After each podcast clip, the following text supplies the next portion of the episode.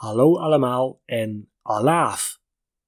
Dit is aflevering nummer 43 van Een beetje Nederlands, de podcast voor mensen die Nederlands leren.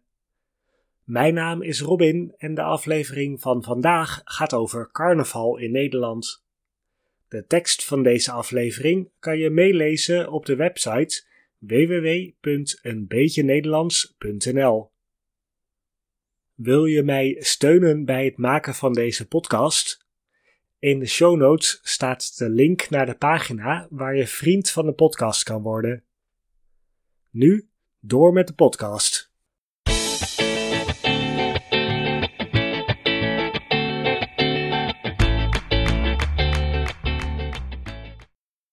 Als je aan carnaval denkt, denk je misschien aan Brazilië. Ik denk dan aan dansende mensen door de straten van Rio de Janeiro, aan de kleurrijke parade vol muziek en vrolijkheid. Misschien wist je het nog niet, maar ook in Nederland en België wordt er carnaval gevierd. Maar het gaat op een iets andere manier dan in Brazilië. In de aflevering van vandaag ga ik daar uitgebreid over vertellen. Het verhaal van vandaag begint met geloof. Je kan Nederland opdelen in twee gedeelten wat religie betreft: het noorden en het zuiden. De noordelijke provincies zijn traditioneel vooral protestants, de zuidelijke provincies katholiek. Ook België is vooral katholiek. In Nederland spreken we ook wel van boven of beneden de rivieren. Daarmee bedoelen we de grote rivieren Rijn, Waal en Maas, die een natuurlijke grens vormen in het landschap van Nederland. Al in het Romeinse Rijk werden deze rivieren als grens gebruikt. De rivieren vormen ook een grens tussen het protestantse noorden en het katholieke zuiden. Carnaval is een katholieke traditie en wordt dus vooral in de zuidelijke provincies van Nederland gevierd, Limburg en Noord-Brabant. Ook in een aantal katholieke steden en dorpen in andere provincies wordt er carnaval gevierd. Maar in de meeste grote steden, zoals Amsterdam, Rotterdam, Utrecht en Den Haag, zal je geen feest vinden rond carnaval. Daarvoor zal je naar het zuiden van het land moeten gaan. Ik kom zelf uit Amsterdam en heb dus ook nog nooit carnaval gevierd. Maar ik ken wel mensen die uit het zuiden van het land komen en altijd met carnaval teruggaan naar hun geboorteplaats. Voor hen is carnaval een belangrijke traditie die ze niet willen overslaan. Ieder jaar op 11 november, dus de elfde dag van de elfde maand, om precies 11 minuten over 11 uur beginnen de eerste voorbereidingen voor carnaval. Waarom precies op deze datum?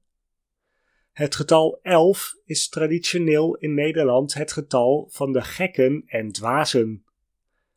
Carnaval is het feest waarbij iedereen zich als een gek mag gedragen.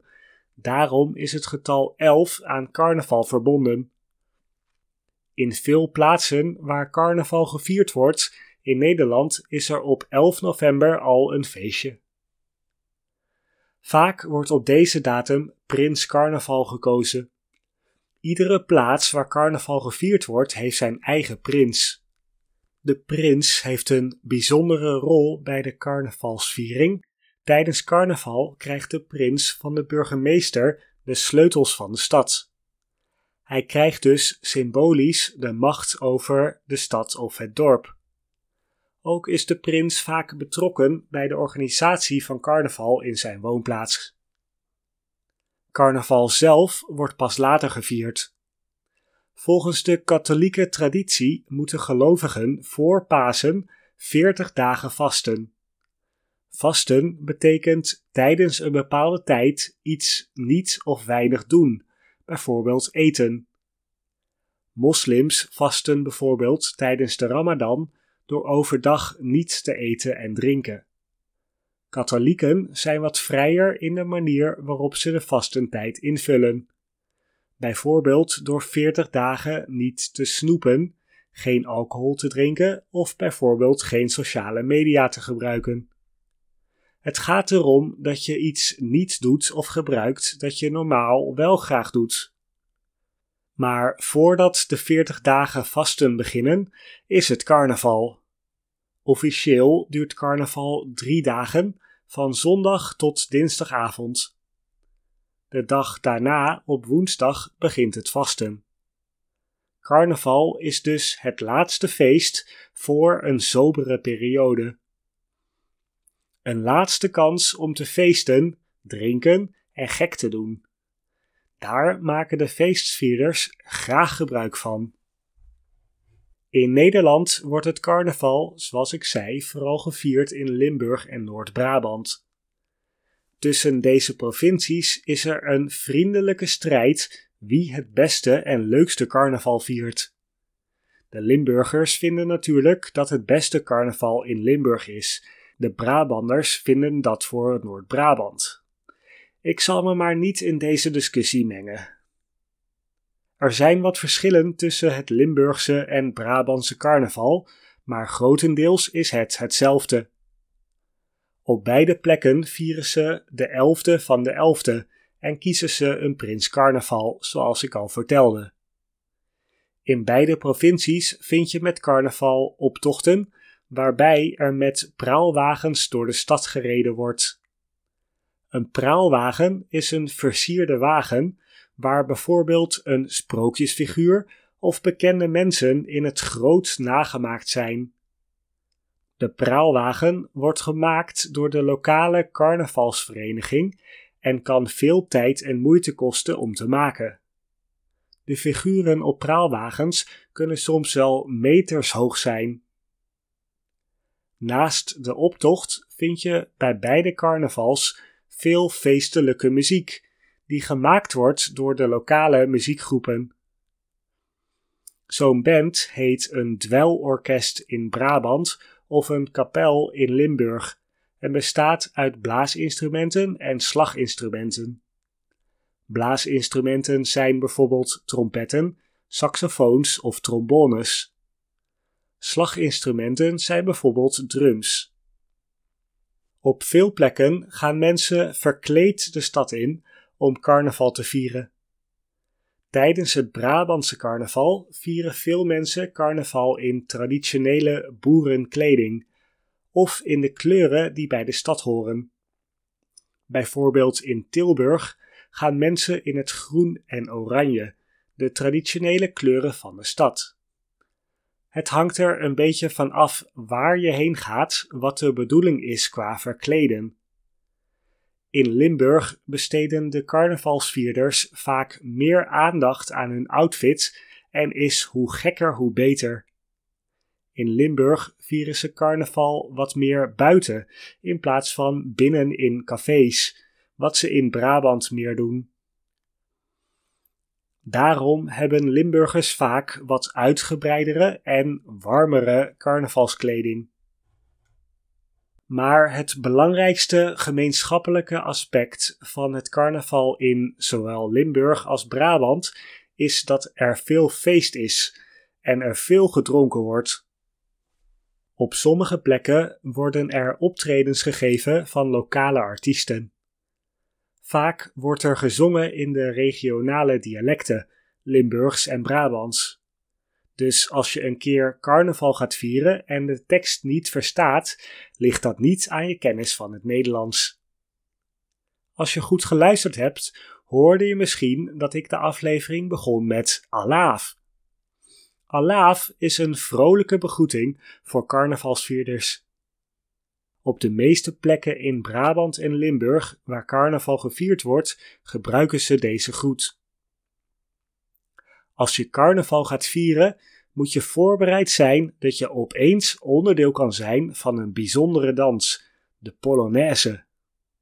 Bij deze dans vormen de dansers een lange rij, waarbij je je handen op de schouders van diegene voor je legt. Samen slinger je dan door de zaal. Er zijn liefhebbers en haters van deze dans, maar als je ervoor uitgenodigd wordt, kan je eigenlijk niet weigeren.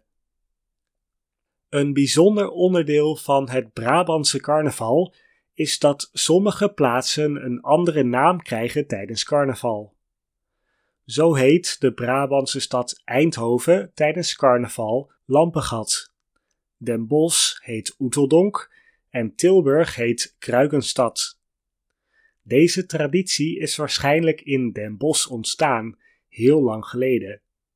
Maar hoe deze traditie ontstaan is, is niet helemaal duidelijk. Vaak verwijst de carnavalsnaam naar iets waar de stad onbekend is. Lampengat verwijst naar de lampenfabrikant Philips, het bedrijf dat uit Eindhoven komt. Deze podcast ging tot nu toe vooral over het carnaval dat in Limburg en Brabant gevierd wordt. Maar wist je dat er elk jaar in Rotterdam ook een zomercarnaval georganiseerd wordt? Dat is een carnaval dat meer lijkt op het carnaval dat je kent uit bijvoorbeeld Brazilië. Het is een parade van 2,5 kilometer door het centrum van Rotterdam. Waarom Rotterdam? In die stad woont een grote gemeenschap met Caribische en Kaapverdiaanse achtergrond. Al vanaf 1984 wordt de zomercarnaval jaarlijks in Rotterdam georganiseerd. Daarmee kom ik aan het einde van deze feestelijke aflevering. Als je deze aflevering leuk vond, geef de podcast dan een goede review in je podcast-app. Of als je deze podcast heel leuk vindt en je mij wil steunen bij het maken van nieuwe afleveringen, kan je vriend van de podcast worden. Informatie daarover kan je vinden op de website www.eenbeetjenederlands.nl. Dank je wel aan iedereen die dat de afgelopen tijd al gedaan heeft. Ik hoop dat je een beetje Nederlands geleerd hebt en tot de volgende aflevering.